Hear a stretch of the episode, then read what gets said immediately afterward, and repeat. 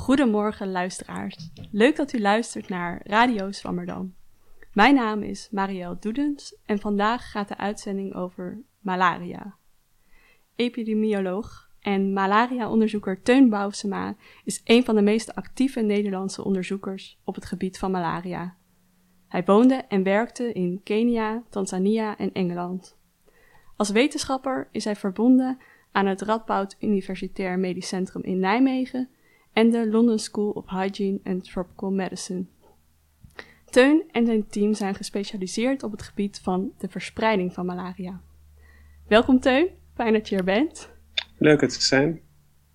Uh, het voordeel van digitale uitzendingen is dat we niet beperkt zijn tot de onderzoeksinstituten in Amsterdam.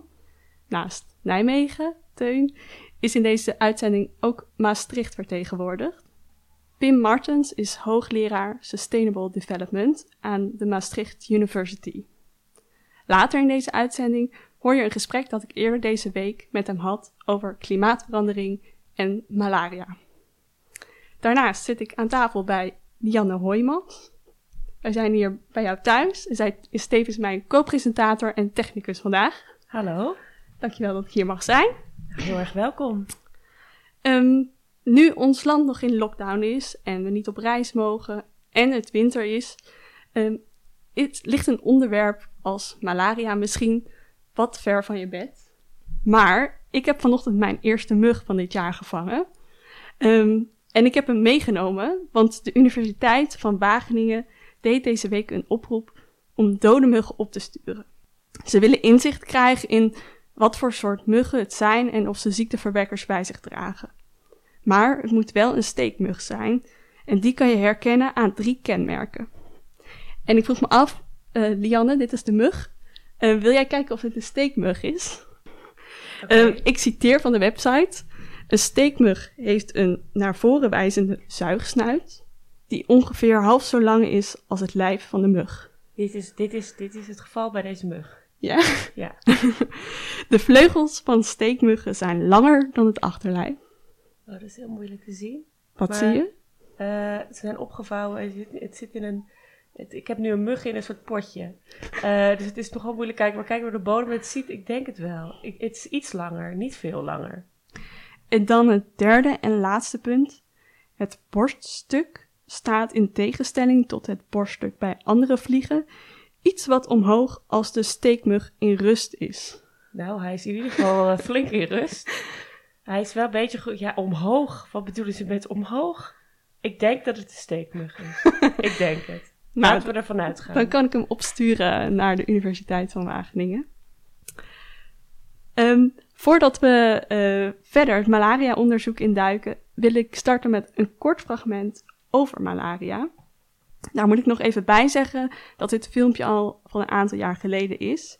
Dus dat het aantal uh, doden wat genoemd wordt waarschijnlijk iets minder is inmiddels. De leeuw, de krokodil en de cobra, hoe gevaarlijk ze ook lijken, ze halen het niet bij de mug. Per jaar overlijden een miljoen mensen aan malaria. En dat krijgen ze door een beet van de zwangere vrouwtjesmug. Het zware meisje van het dierenrijk. Met die beet injecteert ze een parasiet in je bloedbaan. Een eencellig organisme dat zich in je lever nestelt en daar lekker gaat liggen voortplanten. Hierna trekt het rode leger je rode bloedcellen binnen. Ze laten die cellen openbarsten en trekken weer verder, totdat ze in al je cellen zitten en je je ziek voelt. Zeer ziek. Wat een malaise. Milde malaria merk je pas zo'n 12 dagen na de bloedbeet. De echte killer is malaria tropica. Die kan al binnen enkele dagen tot de dood leiden. Dan is het zaak om die parasieten snel met medicijnen om zeep te helpen. En ook in de tropen is voorkomen beter dan genezen. Antimalaria-pillen mee, muggen weer in de kleding aan, een flinke fles date op zak en s'avonds een date onder de klamboe. Dan is die brutale mug niet meer gevaarlijk, maar alleen nog irritant. Bloedirritant. Ja, we kennen allemaal dit welbekende geluid van de mug. Um, klopt het, uh, Teun? Is het aantal uh, doden inmiddels afgenomen? Ja, er zitten een aantal dingetjes in, heel kritisch op alle verhalen. Het aantal doden is inderdaad afgenomen. Het is nu iets onder een half miljoen.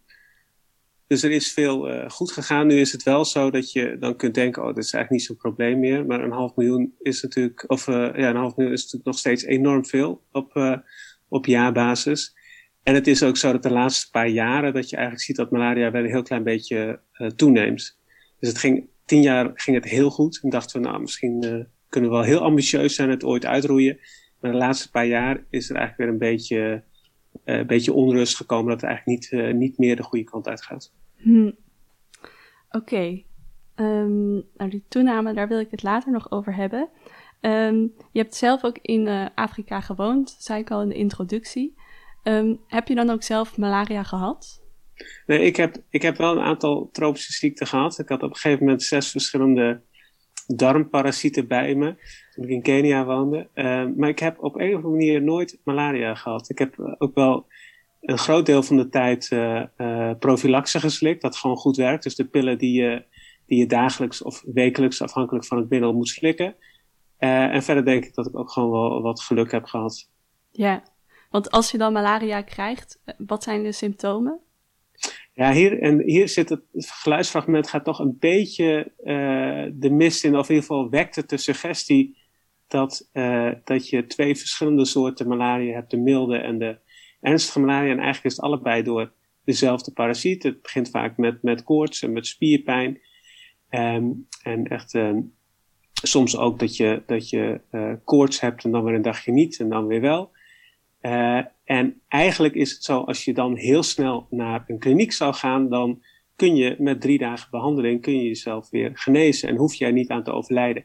En die ernstige malaria, dat is eigenlijk dezelfde malaria, maar dat komt voor een heel groot deel gewoon omdat het vaak te lang duurt voordat je uh, hulp zoekt. En in Nederland hebben we allemaal een huisarts vlakbij waar je uh, eigenlijk dag en nacht naartoe kunt, naar de huisartsenpost of naar de huisarts.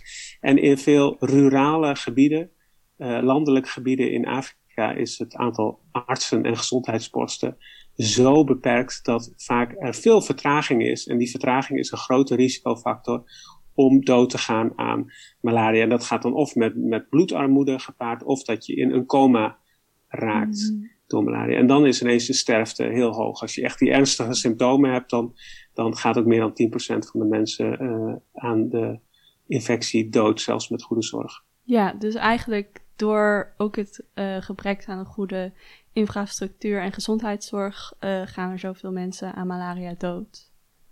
Klopt, ja. Ik noem het soms wel een logistiek probleem malaria. Het is natuurlijk een gezondheidsprobleem. Maar als we overal zo'n goede gezondheidszorg zouden hebben als in Nederland, dan is het ook een ziekte die je echt wel uh, vrij goed kunt bestrijden. In Nederland hebben we natuurlijk ook malaria gehad en daar hebben we het deels omdat we geluk hadden met een wat minder ernstige malaria-soort als in Afrika, maar deels ook door onze infrastructuur hebben we dat toch in de vorige eeuw, in de 20e eeuw kunnen oprollen.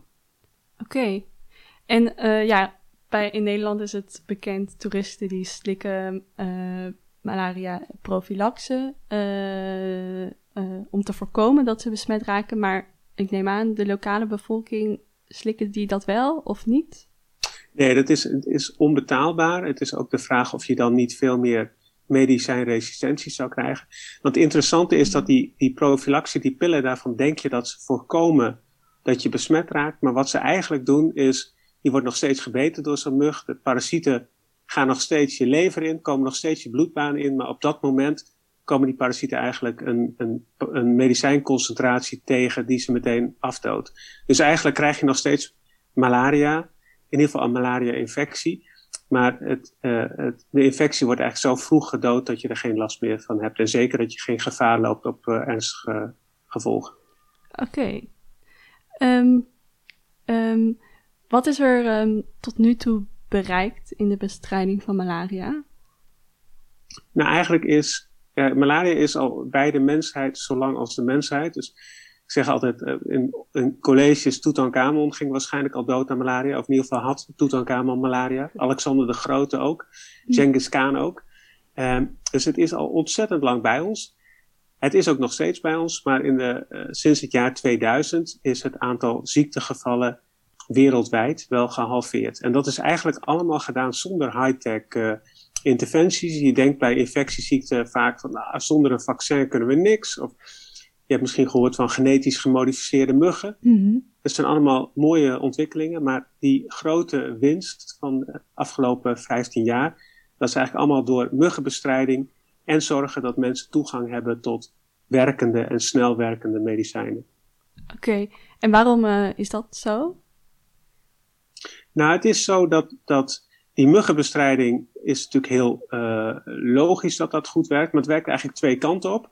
Want een mug, anders dan bij bepaalde virusziektes, een mug wordt geboren zonder malaria. Mhm. Dus die, uh, in het fragment werd ook gezegd, het zwangere vrouwtje, die brengt het over. En eigenlijk heeft dat niks met die zwangerschap van die mug te maken, maar die mug moet eerder een bloedmaal hebben genomen. En als die een bloedmaal neemt bij een mens die ook malaria heeft, kan die mug besmet raken. En vervolgens kan die mug de mens ook weer besmetten. Dus als je muggen bestrijdt, werk je eigenlijk aan twee problemen. Namelijk muggen die malaria krijgen en mensen die van muggen malaria krijgen. Mhm. Dus dat is een heel efficiënte manier. En die medicijnen, dat is uh, zoals bij elke infectieziekte. Als je een goede behandeling hebt, uh, dan kun je ook voorkomen dat mensen uh, zelf weer bijdragen aan de verspreiding. Dus bij malaria is het zo dat als je iedereen direct op het eerste moment van malaria-symptomen zou behandelen, Mhm. dan voorkom je ook heel veel muggenbesmettingen. Dus dan is behandeling is ook een manier om. Behandeling is eigenlijk ook een manier van preventie, maar dan preventie van de buurman die misschien malaria zou krijgen door een mug die het van jou oppikt. Ja, maar um, als je kijkt naar een behandeling, dan zit er natuurlijk nog steeds die, die infrastructuur die nodig is uh, om die behandeling op dat moment bij de patiënt te krijgen. En is het bij een vaccin niet zo dat je één keer prikt en dat het dan klaar is? Dat zou geweldig zijn als dat zo is. Nu is het zo dat bij uh, uh, waterpokken, die we allemaal waarschijnlijk hebben meegemaakt, dat krijg je één keer en de rest van je leven niet meer. Mm -hmm. Malaria is dat helaas niet het geval. Mensen kunnen tientallen keren, tientallen keren malaria krijgen. En uh, de mensen raken eigenlijk nooit helemaal immuun. Dus natuurlijk is het, met natuurlijke blootstelling is het niet zo dat je helemaal uh, immuun raakt. En ook met vaccinatie lijkt het heel moeilijk om mensen echt immuun te maken. Dus er is nu één vaccin, dat is een aantal jaren, uh, al, al vele jaren getest en wordt nu echt ook toegepast. Maar het wordt nog niet helemaal op grote schaal toegepast, omdat het ook niet zo heel goed werkt. Het werkt een aantal maanden vrij goed, maar daarna zakt de effectiviteit vrij snel in.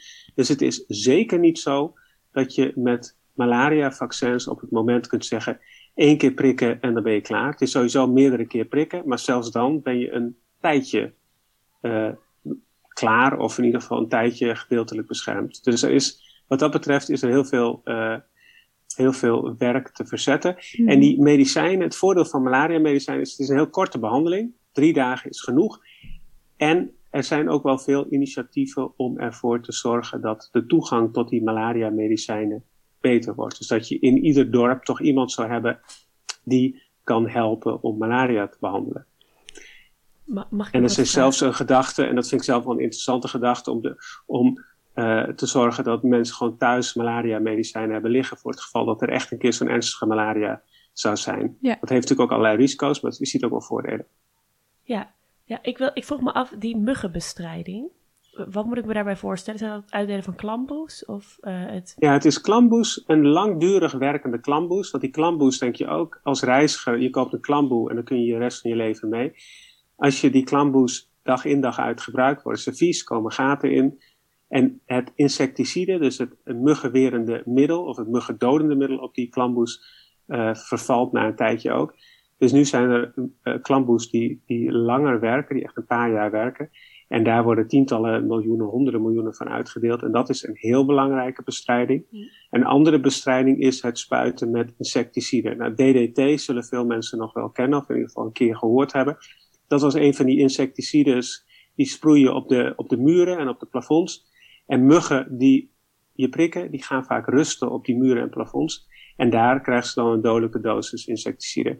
En dat kan niet alleen met DDT, er zijn ook andere, betere insecticiden momenteel beschikbaar. En dat is eigenlijk een andere belangrijke interventie. Dus klamboes en dat sproeien met insecticiden, dat zijn eigenlijk de twee belangrijkste. Oké. Okay. Ehm, ik vertelde al in de inleiding eh, dat je gespecialiseerd bent in de verspreiding van malaria. Door uh, jouw werk is ook het belang van stille malaria op de kaart gezet. Kun je uitleggen wat dat is, stille malaria? Ja, stille malaria, dat is, een, uh, dat is de vorm van malaria waar je niet zo, waar je geen of heel weinig last van hebt.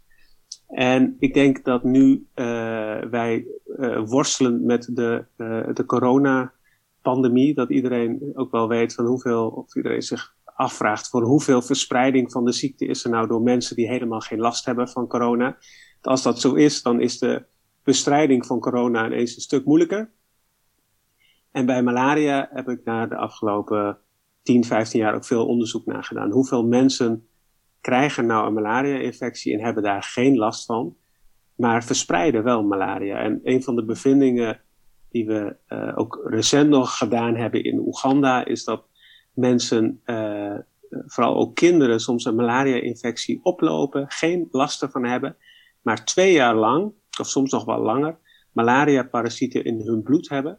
En als ze die twee jaar lang continu iedere nacht muggen kunnen besmetten, dan kun je je voorstellen dat je een soort superverspreiders hebt van stille malaria, die geen enkele noodzaak voelen om zich te laten testen op malaria, ook geen medicijnen krijgen. En uh, nacht na nacht kunnen bijdragen aan de verspreiding. Ja, en um, um, hoe uh, onderzoek je dat? Ja, je onderzoekt het sowieso door mensen onafhankelijk van hun, uh, hun, hun gevoel of hun, ziektestatus, ook als ze gezond zijn, te onderzoeken op, op malaria-parasieten. En daar zijn standaard uh, manieren voor, een soort sneltest die lijkt op een zwangerschapstest, behalve dat je er een druppeltje bloed op doet, maar je leest het af als een zwangerschapstest. Dat kun je doen, dat is niet heel gevoelig. En wij gebruiken ook veel moleculaire technieken. Eigenlijk niet heel anders dan bij, uh, bij coronadiagnostiek, dat je op, op RNA of op DNA-niveau, dus op het genetisch materiaal van de parasiet, kijkt, heeft deze persoon nou parasieten bij zich? En dan blijkt dat een heleboel mensen um, heel erg lage concentraties van parasieten bij zich hebben. En waar wij ons uh, veel mee bezig hebben gehouden om toch te kijken, hebben die lage concentraties dan toch gevolgen voor de besmette persoon? Hebben ze misschien toch iets van bloedarmoede of ontsteking? Dat blijkt wel het geval mm -hmm. te zijn. En daarnaast zijn die mensen ook in staat om muggen te besmetten. En dat blijkt ook het geval te zijn. En ik denk dat dat laatste er echt voor zorgt dat die stille malaria ook echt wel gezien wordt als een probleem bij het uitroeien van malaria. Ja, dus eigenlijk dus door een lage concentratie parasieten in je bloed blijkt zowel de persoon zelf als uh, alle mensen die de mug vervolgens kan besmetten daar toch last van te hebben. Klopt, ja. Um, ik wil eigenlijk um, even doorgaan naar jouw column. Normaal hebben wij een, uh, een uh, columnist uit onze columnistenpool, maar ik heb jou gevraagd omdat je ook zelf column schrijft op je website. Um, zou je voordat je de column voorleest even kort kunnen toelichten wanneer je deze column geschreven hebt? Ja, ik moest eventjes kijken, want jij hebt hem uitgekozen. Maar ik ben ooit begonnen met columns schrijven omdat ik, ik geniet heel erg van mijn werk. En niet alleen omdat ik denk dat het uh, maatschappelijk relevant is, maar ook omdat het gewoon heel veel leuke en verrassende situaties oplevert. Um, mm-hmm. Ik kom in uh, Nederland niet zo vaak in aanraking met gifslangen of een keer ja, gewoon vreemde situaties dat je door iemand met een Kalashnikov uit een vlieg, vliegtuig wordt geplukt. um, en al dat soort um, anekdotes die ik echt wel, die mijn leven echt wel verrijken, die kan ik eigenlijk niet op een andere manier kwijt. Kun je niet kwijt in een wetenschappelijk artikel. Maar ergens is het wel onderdeel van je werk. Dus toen ik mijn uh, proefschrift heb geschreven, dat is gewoon een saaie bundeling van wetenschappelijke artikelen, heb ik er ook een boekje bij uitgegeven met het verhaal achter het onderzoek.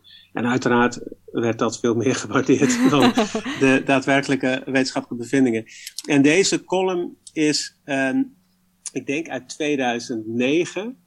Uh, hoewel het heel erg lijkt op het werk dat ik nu ook nog in Oeganda doe, maar het was een tijd, ik heb, toen zat ik een paar jaar in Engeland en werkte ik vanuit een instituut in Engeland, in, uh, vooral in Oeganda. En ik zat toen een maand of twee in een heel ruraal gebied in, in het noorden van Oeganda. Mm. Dat ook bekend staat vanwege uh, gewelddadige opstandelingen van de Lord's Resistance Army. Um, maar waar ook, um, ik weet eigenlijk niet precies wat er allemaal in de column zit, maar het is. um, ik, een van de dingen die ontzettend interessant was, dat ik daar ook een hotelkamer had waar de elektriciteit niet goed was aangelegd. En ik kreeg elke keer als ik een douche nam, kreeg ik een elektrische schok als ik de warme kraan aanraakte. En toen ik daarover ging klagen bij de hoteleigenaar, zei hij ik ga het meteen voor je oplossen. ik dacht, goh, geweldig, die gaat meteen met een elektricien in de weer. Maar die hoteleigenaar kwam vervolgens aan met twee slippers. Waarvan hij zei, die moet je maar dragen als je onder de douche staat, dan overleef je het wel. um, dus dat was, dat was inderdaad die situatie in Oeganda. Even kijken. Uh, ben je klaar voor de column? Ja, ik, uh, ik heb hem voor me liggen, dus ik ga hem proberen voor te lezen. Komt ja, heel graag. Wij zijn bezig met een longitudinale studie in Abedi, een klein dorpje in de moeras vlakbij Apache.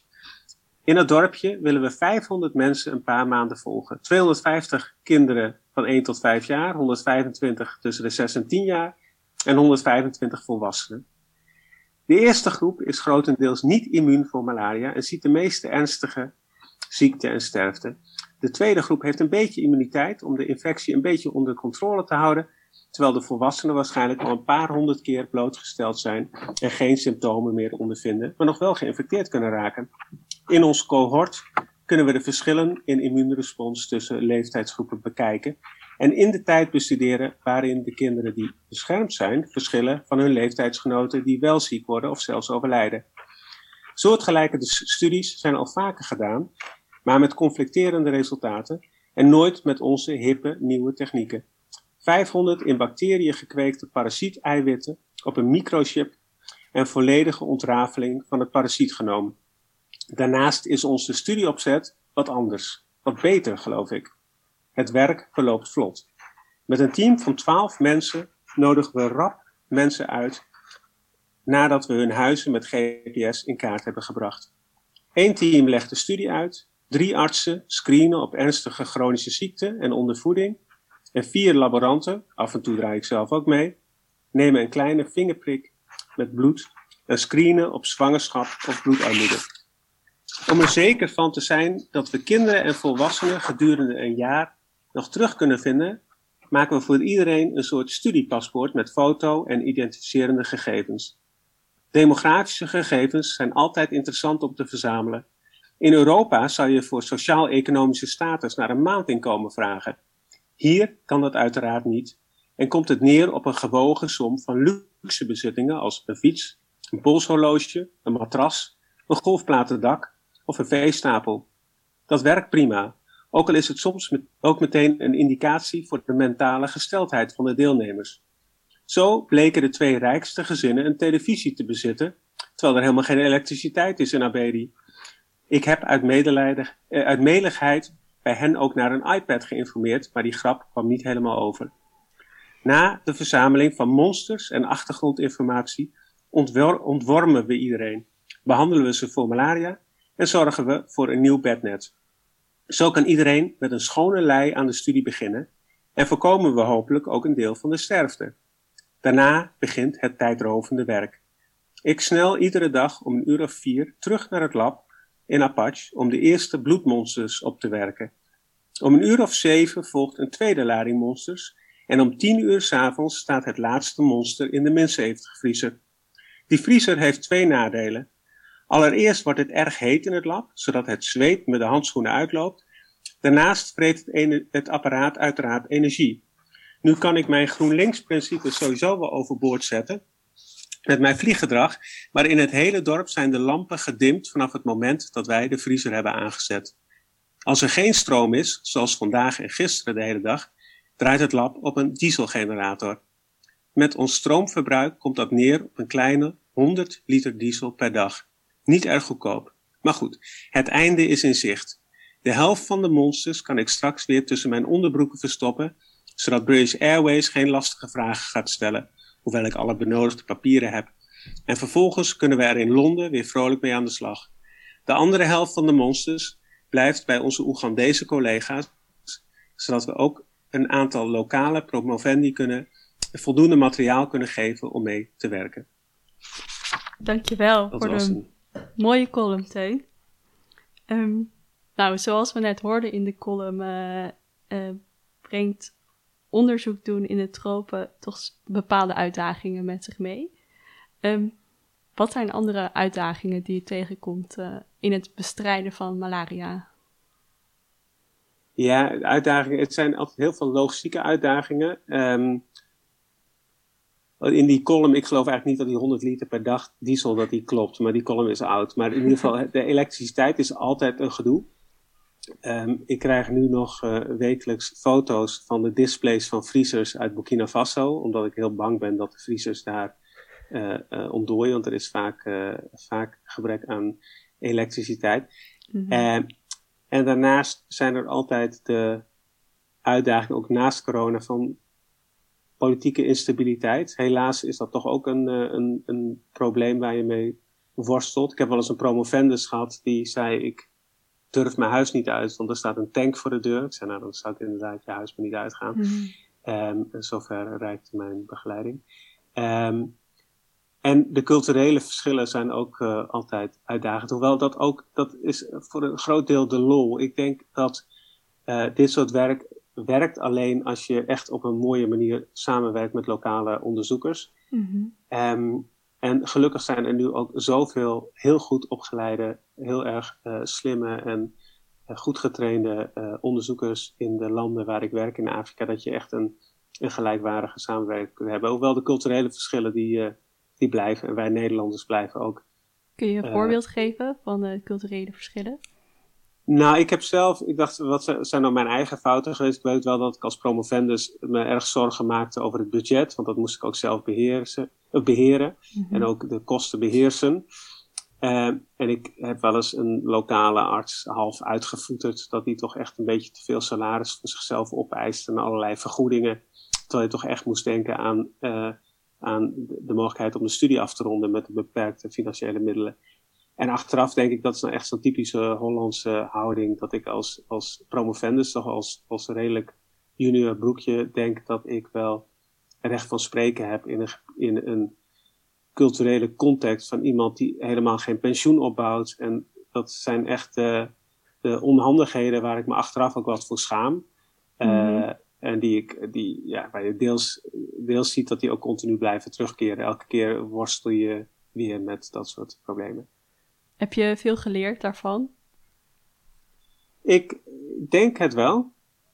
Ik, eh, en ik merk wel dat ik een soort. eh, ja, dat, bepaalde dingen wel soepeler gaan. Dat ik minder vaak het idee heb, ik ga de mist in. Aan de andere kant is misschien ook wel zo dat mensen gewoon. Mensen kennen mij die accepteren misschien ook. Ik ben continu ongeduldig en ik vraag heel veel van de mensen die voor mij werken. En misschien accepteren mensen dat ook gewoon iets meer. Dus misschien is dat van beide kanten er een soort cultureel, eh, cultureel besef is ontstaan. Ja, misschien genieten ze ook van, van eh, de, de Nederlandse cultuur, de rare dingen.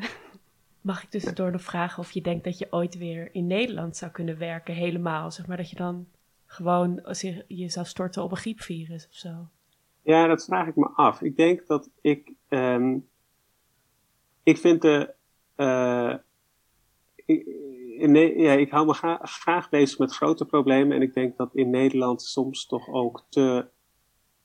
Ja, dat sommige dingen me ook gaan tegenstaan. Er zijn hier natuurlijk allemaal grote problemen. En die wil ik ook echt niet, eh, niet bagatelliseren. Of niet willen zeggen dat die er niet zijn.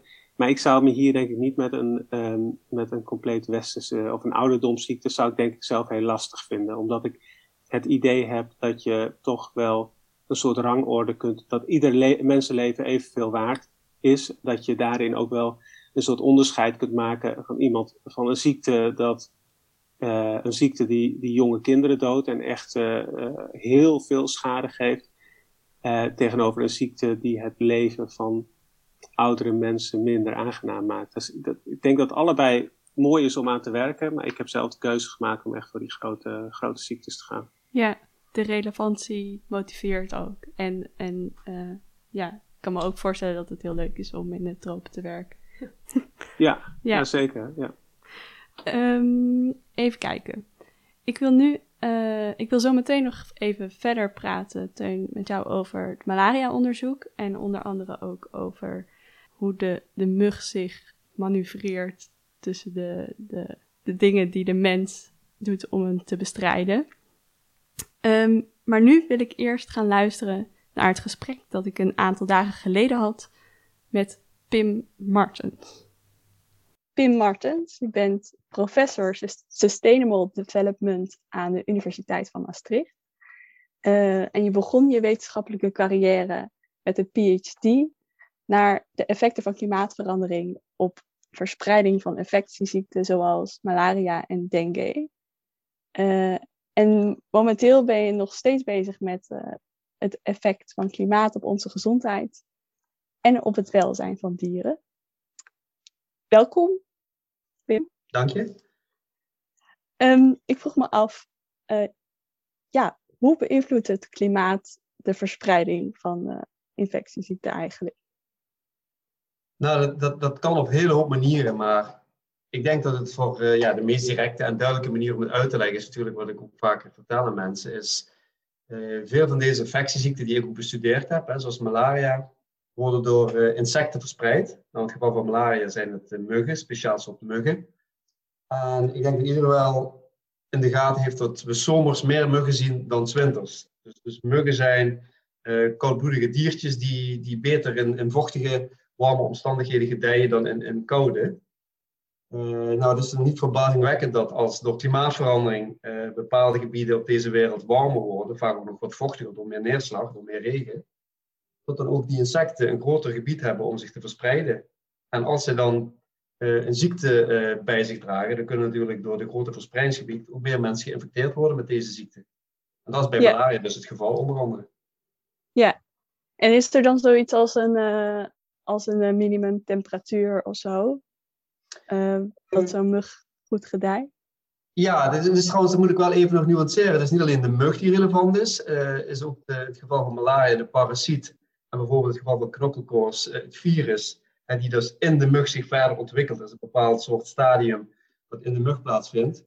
Uh, dat ontwikkelingsproces is ook temperatuurgevolg. Dus het is niet alleen uh, de mug, maar ook de ontwikkeling van de ziekteverwekker in de mug, dat uh, temperatuurgevoelig is. Um, vaak is die temperatuur zelfs nog belangrijker, want die is hoger in het geval van malaria dan de temperatuur waar de mug kan gedijen.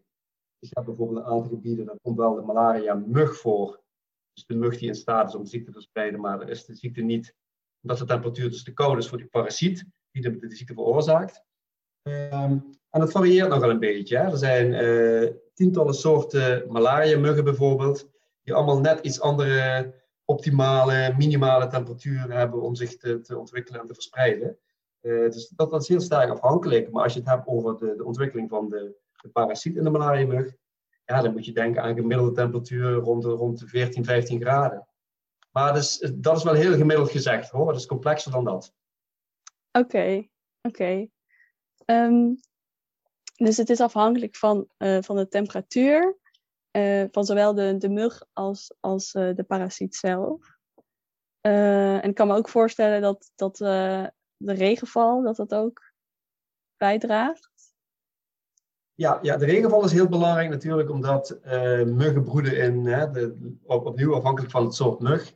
Maar, maar de meeste muggen, de malaria-muggen, die, die broeden vaak in, ja, in water. Ze hebben water nodig om zich voor te planten. De vrouwtjesmug legt de eitjes. En in, in, veel gebieden waar het warm is, als het daar meer gaat regenen, dan heb je ook vaak meer broedplaatsen voor de malaria-mug. Dus ook in die zin, hè, dus als ik, ook andersom trouwens hoor, het kan ook in gebieden wel te droog worden, waardoor dus mm -hmm. minder verspreiding kan, kan optreden. Maar als je gewoon kijkt uh, heel, over de hele wereld, want het gaat natuurlijk over uh, het netto-effect, dan, dan is de verwachting dat uh, voor de meeste infectieziekten die door muggen en vliegen verspreid worden, dat de kans op het krijgen van deze ziekte gaat toenemen in de komende jaren door klimaatverandering. Oké, okay. Dus dat is eigenlijk wel, wel opvallend dat ik niet verwacht, dat het dus inderdaad ook natuurlijk door klimaatverandering droogte ontstaat en sommige gebieden juist ook minder zal voorkomen.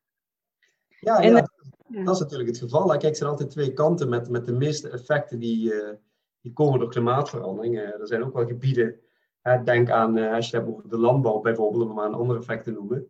Er zijn ook wel gebieden waar het klimaat misschien gunstiger wordt om bepaalde gewassen te verbouwen.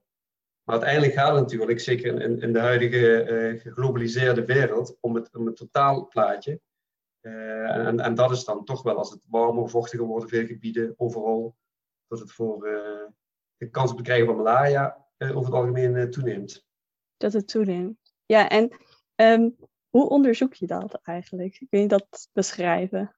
Ja, nou, dat, dat kun je op hele manieren onderzoeken natuurlijk. Hè. Ik was, toen ik mijn onderzoek deed en, en nog doe, uh, ik ben zelf een uh, wiskundige uh, modelleur. Dus ik heb ook bij, tijdens mijn promotieonderzoek heb ik wiskundige simulatiemodellen gemaakt van de effecten van klimaatverandering op gezondheid, waaronder dus die infectieziekten zoals malaria. maar dat kun je natuurlijk niet alleen met je model doen. je hebt ook de data nodig, de empirie. Dus -hmm. veel van die projecten die we nou nog doen, om te kijken naar hoe infectieziekten, ook diereninfectieziekten, verspreiden onder invloed van klimaatverandering, doen we dan ook vaak samen met of uh, uh, groepen die, kijken naar de, de, dierenkant van het verhaal, dierengeneeskunde bijvoorbeeld. Uh, in het geval van Malaria, het project waar ik uh, tijd geleden bij betrokken ben geweest, deden we het samen met entomologen van de Universiteit van Wageningen.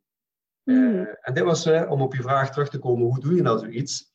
Nou, we hadden daar drie locaties, uiteindelijk zijn het twee geworden waar wij het onderzoek deden. In, waar was dat? In Kenia ja, oh, ja. was één. Uh, bij uh, Lake Victoria in de buurt. En de andere mhm. was in Brazilië, in het Amazonegebied, in Rodonia, een, een, deel van, van Brazilië. Omdat daar de transmissie in Afrika en Zuid-Amerika is anders als je het hebt over malaria. Uh, en dat zijn ook wel kwetsbare gebieden.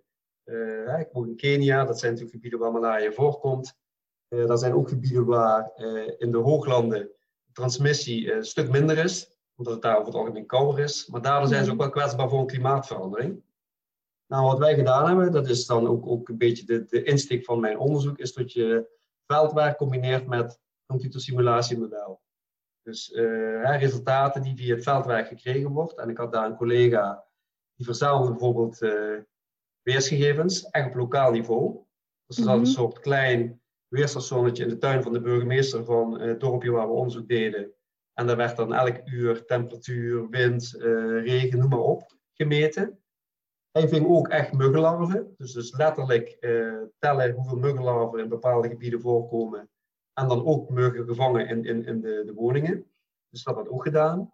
En dat is dan een eh, steekproef, neem ik aan. Ja, dat was een, een, een tijdproject en hij heeft het toch wel redelijk consequent gedaan. Uh, ja, op een gegeven moment kun je het natuurlijk niet uh, continu doen.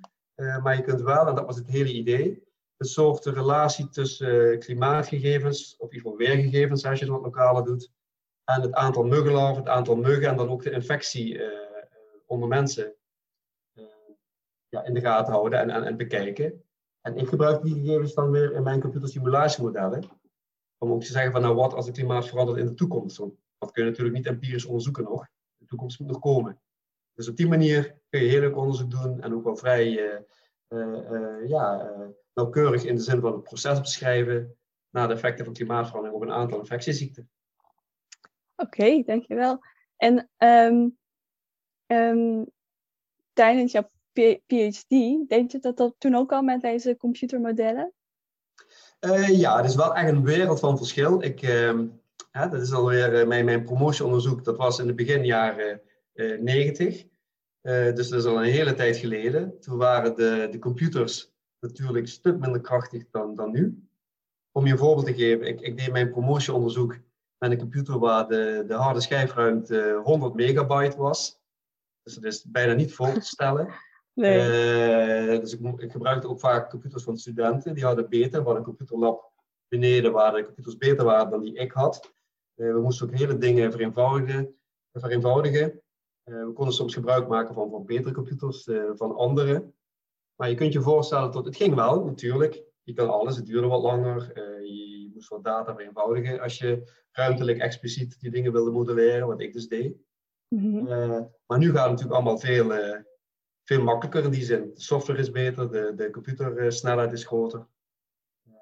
Dus... En is er iets van uw, uw voorspellingen toen, is dat uitgekomen? Nou ja, helaas een aantal wel. wij hadden toen al ehm, tijdens het onderzoek wat we deden, samen dus met de Universiteit van Wageningen, gaven we al aan, dat zagen we ook onze modellen, dat vooral de hooglanden van Afrika vrij kwetsbaar zijn. En dat ze omgeven zijn door hoog endemische gebieden, zoals we het noemen. Dus gebieden waar de transmissie vrij intens is. Mhm. Uh, de hooglanden zelf zijn te koud om echt intensieve verspreiding te krijgen. Maar met een kleine klimaatverandering, en de gebieden daaromheen zijn, zijn heel toegankelijk, mensen gaan ook heen en weer, uh, kunnen er dus makkelijk epidemieën ontstaan. Nou, dat is dus ook gebleken. We hebben de afgelopen jaren al wel veel epidemieën gezien. Een ander voorbeeld, een, een project wat wij deden met de Universiteit van Liverpool, uh, ging over blauwtong, bloedtongziekte. Dat is een, een ziekte vooral in, in schapen. Uh, dus een ziekte Mhm. onder schapen in ja, de hele wereld. Toen ook door klimaatverandering, en dat hebben we in het begin jaren 2000, gaven we onze modellen aan tot de ziekte zou opschuiven naar het noorden van Europa. Kwam toen vooral in Italië en zuidelijke Europese landen voor. Toen waren we nog, ik weet het nog goed, op een conferentie samen met de, de Universiteit van Liverpool, dus presenteerden we dat werk. Werd er nog een beetje lachig over gedaan, omdat er dus nog nooit blauwtong in, in Nederland op dat moment voorgekomen was. En vijf jaar later was blauwtong ook in het zuiden van Nederland uh, aanwezig. Uh, dus in die zin hebben we ook daar helaas uh, gelijk gekregen. Ja. We voorspellen natuurlijk niet. Hè? We geven indicaties aan, maar de patronen die, die zijn helaas vaak wel kloppend.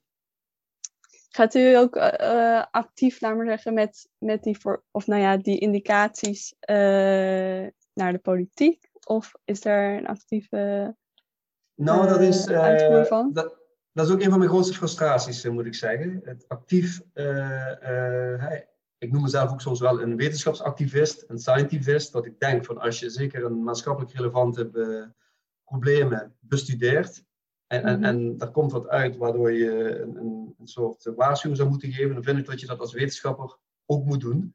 Uh, en niet alleen via je wetenschappelijke publicaties. Uh, dus wij hebben zeker dat, en dat doe ik nog continu, uh, via de media, via de politiek. en zeker in het beginjaren van een promotieonderzoek, dat was, mijn promotieonderzoek was gefinancierd door het RIVM. Dus Ah, op dat ja. moment waren wij daar ook heel duidelijk mee bezig. Maar dat is niet makkelijk, zal ik je ver, verklappen. Zeker omdat uh, dit terrein, als je het hebt over klimaatgezondheid, het is natuurlijk milieugezondheid. En toen de tijd uh, liep ik letterlijk met mijn rapport onder mijn arm tussen het ministerie van uh, Milieu, FROM, en het ministerie van Gezondheid. Het ene zei Ah. van, hey, malaria, dan moet je bij gezondheid zijn. De andere zei van, hey, klimaat, moet je bij milieu zijn. En, en dat is helaas nog altijd wel voor een groot deel het geval. Uh, maar ik, ik blijf mijn, mijn waarschuwingen afgeven. Ja, goed. Ja. En um, wat, wa- welke gebieden zijn nu het meest uh, gevoelig voor die klimaatverandering en toename in uh, malaria? Nou ja, voor, voordat ik dat uh, beantwoord, wil ik ook nog even zeggen dat natuurlijk klimaat maar één van de vele factoren is in, in elke infectieziekte. Uh, het is ook weer niet zo dat, dat klimaat de belangrijkste drijvende kracht is. In veel infectieziekten zijn dat andere factoren. Hè? Denk soms resistentieontwikkeling tegen medicijnen, verplaatsing van mensen, wat trouwens ook wel door klimaatverandering kan komen. Hè? Dat groepen van de ene plek naar de andere moeten.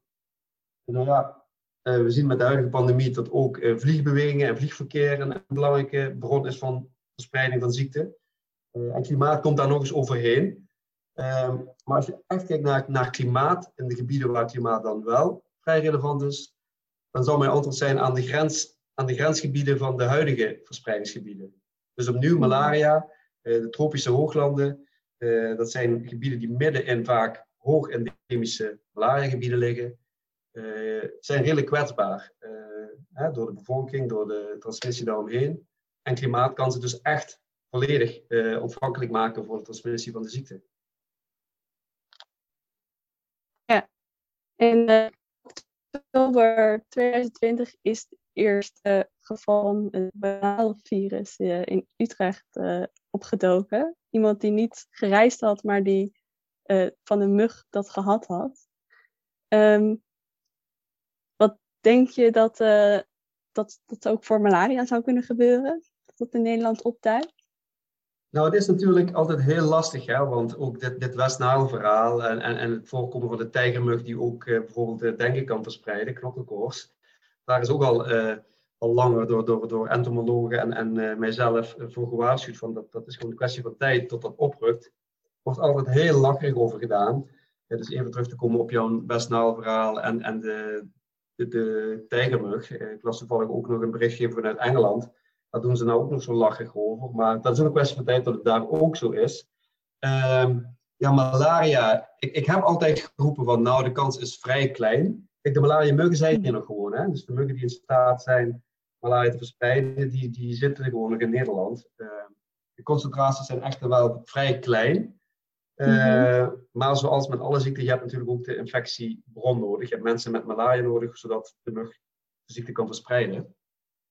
Nou, door, uh, door reisverkeer zie je natuurlijk wel dat mensen dat met zich meebrengen. Uh, nou, de afgelopen jaar natuurlijk een stuk minder, doordat we met z'n allen een beetje aan huis gekluisterd zijn. Ik zou niet meteen zeggen van nou, we moeten malaria verwachten binnen nu en een paar jaar. Maar aan de andere kant, als ik zie hoe onze redelijk voorzichtige schattingen met uh, blauwtong, met malaria en aan andere delen van de wereld toch allemaal zijn uitgekomen, sluit ik het zeker niet uit. Ja, oké. Um, nou, tot slot heb ik nog um, een vraag. wat kunnen wij er zelf iets aan doen? Buiten dan de, nou ja, er zijn natuurlijk superveel dingen die we tegen klimaatverandering kunnen doen, maar voor malaria specifiek? Ja, kijk, kijk, dat is natuurlijk heel, heel lastig. Hè?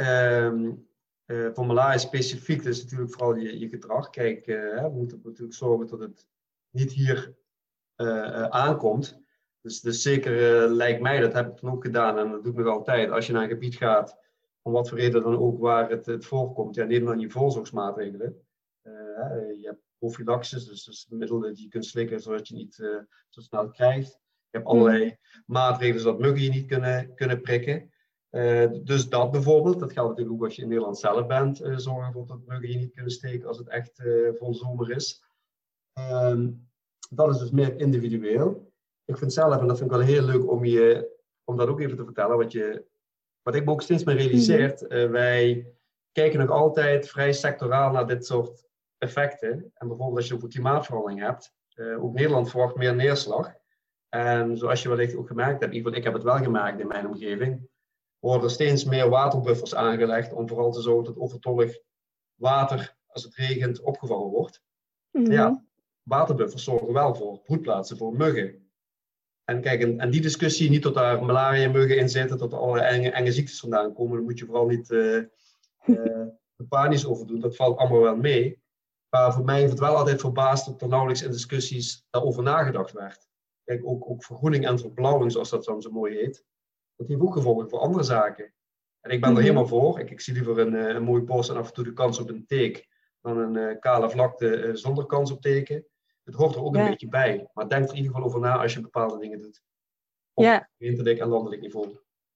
Dus eigenlijk uh, niet alleen de klimaatverandering, maar ook de maatregelen die genomen worden om met klimaatverandering om te gaan uh, kunnen, kunnen ook weer bijdragen aan die infectieziekte. Ja, en nogmaals, het is ook weer niet zo dat dat, hè, misschien is het, het, ik denk dat het zeker landen als Nederland, het extra effect wat je krijgt door uh, de maatregelen, dat is prima. De mogelijke, negatieve effecten zijn misschien minimaal. Maar neem het in ieder geval mee in je discussies.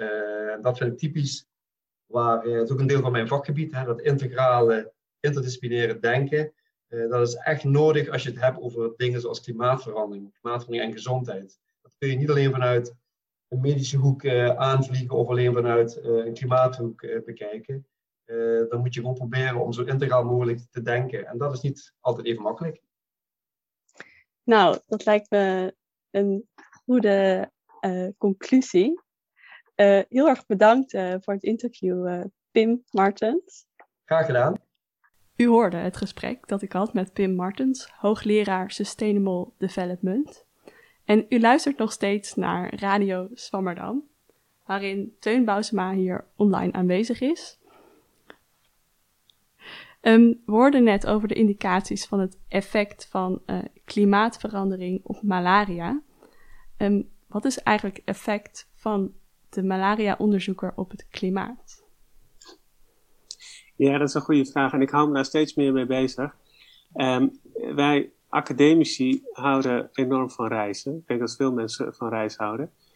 Um, maar ik zag er, laatst ergens een getal dat er wereldwijd uh, 7,8 miljoen onderzoekers zijn. En al die onderzoekers gaan toch gemiddeld wel één keer per jaar naar een internationaal congres.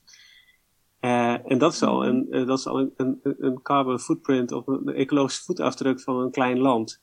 Als je dat alleen uitrekent. En ik, um, ik, ik zie, ik denk dat we alle het werk en alle activiteiten toch steeds meer moeten gaan zien in de context van klimaatverandering. Dus dat je ook je moet afvragen, um, hoe belangrijk is precies dit werk voor, uh, voor de wereld? En hoe staat dat in verhouding tot de belasting die het oplevert. Ik heb heel lang gedacht, nou, ik doe zulk belangrijk werk, ik hoef me daar geen zorgen over te maken. Mhm. Maar dat is natuurlijk onzin, want heel veel reizen kun je vermijden. En naast reizen zijn er ook andere dingen die, uh, die, die op te lossen zijn, of die aan te pakken zijn. Uh, kun je een voorbeeld geven? Nou, ik, ik um, in, die, in, in, die column, dat is eigenlijk wel een goed voorbeeld. In de column stond dat ik mijn monsters in een min 80 vriezer stopte. Maar ik las voor min 70. Omdat ik er een tijdje geleden achter kwam dat eigenlijk min 70 is koud genoeg. en die vriezers zijn steeds kouder gezet. Um, en dat is eigenlijk gewoon door de producenten bedacht van ja, die vriezers, uh, laten we meer vriezers verkopen. We kunnen ze ook op min 80 krijgen, ook op min 86. Hm. Maar één zo'n vriezer gebruikt meer elektriciteit dan een Nederlands huishouden. Eén vriezer. Hm. En het verschil tussen min 70 graden of min 80 graden, dat is het scheelt meer dan 30% van de elektriciteit. Dus ik heb Mhm. recent in, geprobeerd in het ziekenhuis in Nijmegen uh, zoveel mogelijk vriezers van min 80 op min 70 te, te, zetten.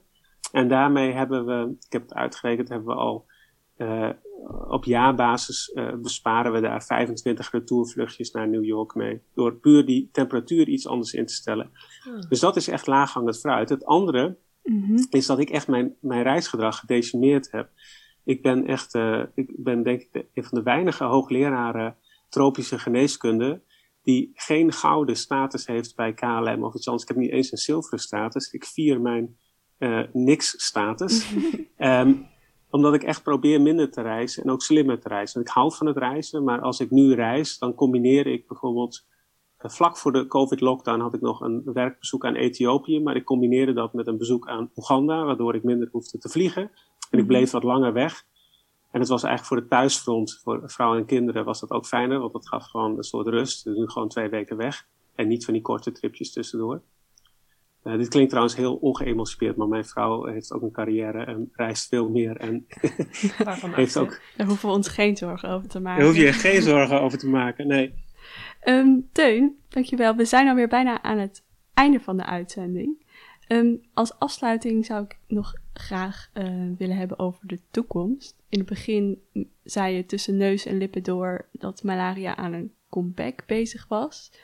Um, wat houdt het precies in en, en hoe kunnen we dat het best aanpakken?